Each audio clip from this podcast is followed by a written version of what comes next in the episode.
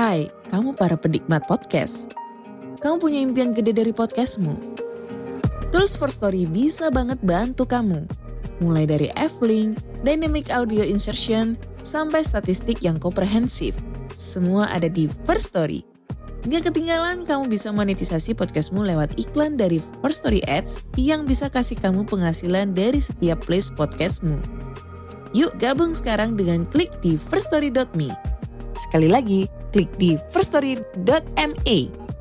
Mari kita bawa mimpi podcastingmu menjadi kenyataan. Hai semuanya, podcast ini saya hosting di Fear Story. Kalau kalian belum pernah dengar Fear Story, ini adalah platform baru yang paling lengkap dan mudah untuk membuat, mendistribusi, dan mengelola podcast kamu. Nah, jadi Fear Story itu bisa kamu gunakan 100% gratis. Kamu bisa mengupload episode terjadwal dan mendistribusikan podcast kamu di semua platform podcast di Indonesia. Fear Story juga menyediakan customer service yang berisikan podcaster berpengalaman kamu bisa share podcast kamu tanpa ribet dengan F-Link yang akan mencakup semua link platform kamu dan sosial medianya. Dengan Fear Story Ads, kamu bisa mengakses monetisasi yang mudah dan beneran bisa kamu cairin tanpa biaya tambahan, gak pakai repot. Jadi tunggu apa lagi? Yuk maksimalkan podcast kamu dengan platform hosting dari Fear Story. Daftar sekarang di fearstory.me dan buat podcastmu jadi kenyataan.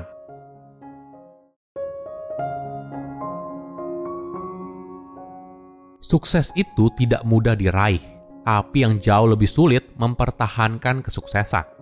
Bisa saja kita berhasil mencapai kesuksesan di satu waktu, namun di waktu lain kita kesulitan mempertahankannya. Halo semuanya, nama saya Michael. Selamat datang di channel saya, Sikutu Buku. Kali ini saya akan bahas apa rahasia sedikit orang yang bisa mencapai kesuksesan, namun mampu mempertahankan kesuksesan tersebut hingga dirinya terus berada di puncak. Di banyak bidang, kesuksesan itu tidak terbagi secara rata. Sangat sedikit sekali yang bisa sukses banget atau dikenal sebagai superstar. Sebagian kecil beruntung bisa mencicipi kesuksesan kecil, dan mayoritas bahkan tidak mencicipi sukses sama sekali. Misalnya, banyak penulis yang tidak pernah berhasil mempublikasikan karyanya. Dari penulis yang berhasil, hanya sebagian kecil yang bukunya bisa berhasil menjadi bestseller. Dari para penulis bestseller, sangat sedikit sekali yang kemudian bisa menghasilkan buku bestseller lagi dan lagi. Sama halnya dengan dunia olahraga. Mayoritas pemain tidak berhasil masuk dalam NBA, tapi sebagian kecil mereka yang berhasil, sedikit sekali yang kemudian namanya bisa jadi legenda. Entah karena mereka bertalenta atau sangat beruntung. Jurang antara mayoritas yang gagal dan sebagian kecil yang berhasil dalam semalam begitu besar. Sama halnya jurang antara sebagian kecil yang berhasil dalam semalam dan sedikit yang bisa mempertahankan kesuksesannya juga sangat besar. Ini yang membuat bakat dan keberuntungan saja sangat sulit untuk menjelaskan fenomena ini. Sebelum kita mulai, buat kalian yang mau support channel ini agar terus berkarya, caranya gampang banget. Kalian cukup klik subscribe dan nyalakan loncengnya. Dukungan kalian membantu banget supaya kita bisa rutin posting dan bersama-sama belajar di channel ini. Sukses itu tidak mudah diraih. Bahkan ketika seorang sudah mencapai kesuksesan, mempertahankannya jauh lebih sulit. Coba bayangkan industri kreatif. Begitu banyak orang ingin karyanya dikenal banyak orang. Begitu banyak orang yang ingin jadi penulis, membuat film, aktor, musisi, dan sebagainya. Tapi sayangnya, resep kesuksesan itu sulit diprediksi.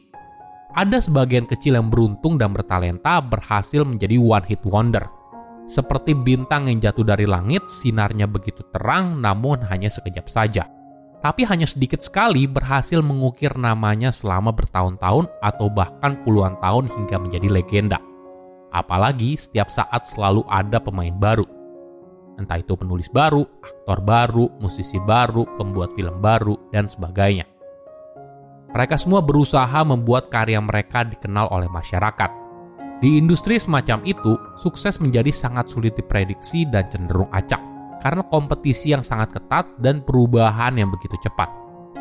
Bagi mereka yang berhasil mempertahankan kesuksesan, mereka ibaratnya telah berhasil melewati berbagai rintangan yang sulit. Rintangan pertama adalah membuat karyanya dikenal. Kedua, setelah dikenal, maka dia harus bisa mempertahankan kesuksesannya. Mungkin terlihat mirip seperti rintangan pertama, padahal ternyata tidak. Ada contoh menarik yang bisa kita pelajari soal kreativitas dan sukses dari dua pembuat film yang karyanya sempat mendunia. Pada tahun 1977, film science fiction unik menjadi fenomena global. Star Wars merupakan film yang bercerita tentang perang saudara intergalaksi yang penuh dengan drama dan aksi. Film ini berhasil meraup 6,4 triliun rupiah. Bahkan hampir 50 tahun setelah film pertamanya dirilis, franchise Star Wars masih memiliki banyak penggemar yang loyal. Penulis, direktur, dan pemiliknya adalah seorang yang bernama George Lucas. Setelah kesuksesan Star Wars, George lalu berencana membuat sequel selanjutnya. Film itu diberi judul The Empire Strike Back. Tapi George tidak ingin sendirian produksi film tersebut. Pilihan jatuh kepada Irvin Kirchner, seorang profesor dari University of Southern California. Cuma ada satu masalah Irvin awalnya bukan fans Star Wars. Bahkan awalnya dia menganggap George yang merupakan muridnya itu gila dan Star Wars merupakan film yang buruk. Tentu saja pendapat Irvin salah. Star Wars laku keras. Dan ketika George meminta Irvin untuk menjadi direktur film, awalnya Irvin menolak, tapi akhirnya diterima juga. Pada tahun 1980, sequel Star Wars kedua dirilis dan sukses berat. Seperti pendahulunya, film ini berhasil meraup 6,4 triliun rupiah. Bersama-sama, George dan Irvin boleh dibilang menciptakan film terbaik dalam sejarah franchise Star Wars. Di tahun yang sama, ada film lain yang dirilis di bioskop berjudul Used Cars. Film ini dibuat oleh Robert Zemeckis, lulusan USC juga tapi karirnya tidak semulus Irvin. Used Cars merupakan film komedi satir yang bercerita tentang seorang penjual mobil yang tidak bermoral bercita-cita menjadi politisi. Banyak kritikus film memberikan peringkat buruk pada film ini. Kedua direktur film, baik Irvin dan Robert, sudah punya reputasi di Hollywood.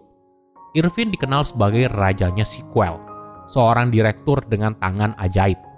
Sedangkan Robert dikenal sebagai direktur film yang unik dalam konotasi yang kurang baik karena sering kali filmnya gagal di pasaran. Selain sequel The Empire Strike Back, Irvin juga dikenal sebagai direktur di balik Never Say Never Again sebuah film mata-mata sukses pada tahun 1983 yang dibuat berdasarkan novel James Bond pada tahun 1961. Di sisi lain, Robert punya rute yang berbeda. Setelah berulang kali filmnya gagal menjadi box office, dia kesulitan untuk meyakinkan studio film untuk mendanai film berikutnya. Hingga suatu hari, sesuatu yang tidak diduga terjadi. Film Romancing the Stone dengan genre petualangan komedi berhasil laku keras para penonton baru bisa menghargai film dengan genre yang berbeda. Dari situ, Robert baru berhasil meyakinkan studio film untuk mendanai film yang bercerita tentang petualangan waktu bernama Back to the Future. Film yang awalnya ditolak karena reputasi Robert yang buruk. Ketika dirilis pada tahun 1985, Back to the Future laku keras dan menjadi film dengan penjualan tertinggi di tahun itu.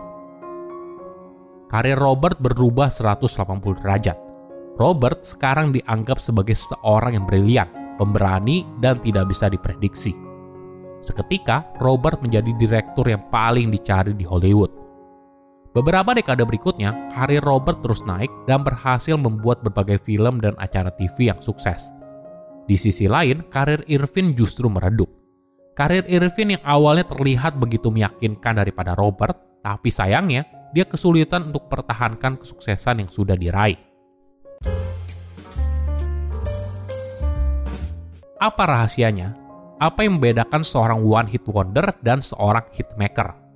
Mungkin ada kaitannya dengan dua hal, novelty dan variety. Artinya, sesuatu yang baru dan sesuatu yang beragam. Contohnya bisa kita lihat di industri musik. Konsumen selalu berusaha untuk mencari musik yang baru dan menarik. Alhasil, musisi yang berhasil menciptakan musik baru dan inovatif secara konsisten kemungkinan lebih sukses daripada yang tidak. Tapi perlu diingat, menciptakan musik yang baru saja tidak cukup untuk mempertahankan kesuksesan.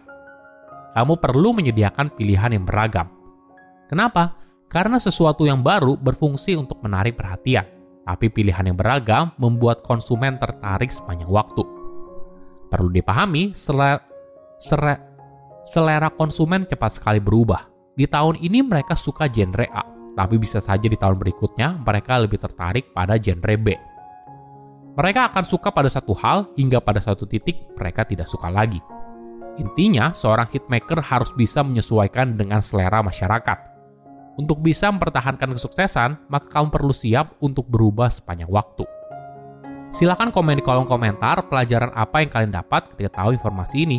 Selain itu, komen juga mau tahu informasi apa lagi yang saya review di video berikutnya. Saya undur diri, jangan lupa subscribe channel YouTube Sikutu Buku. Bye-bye.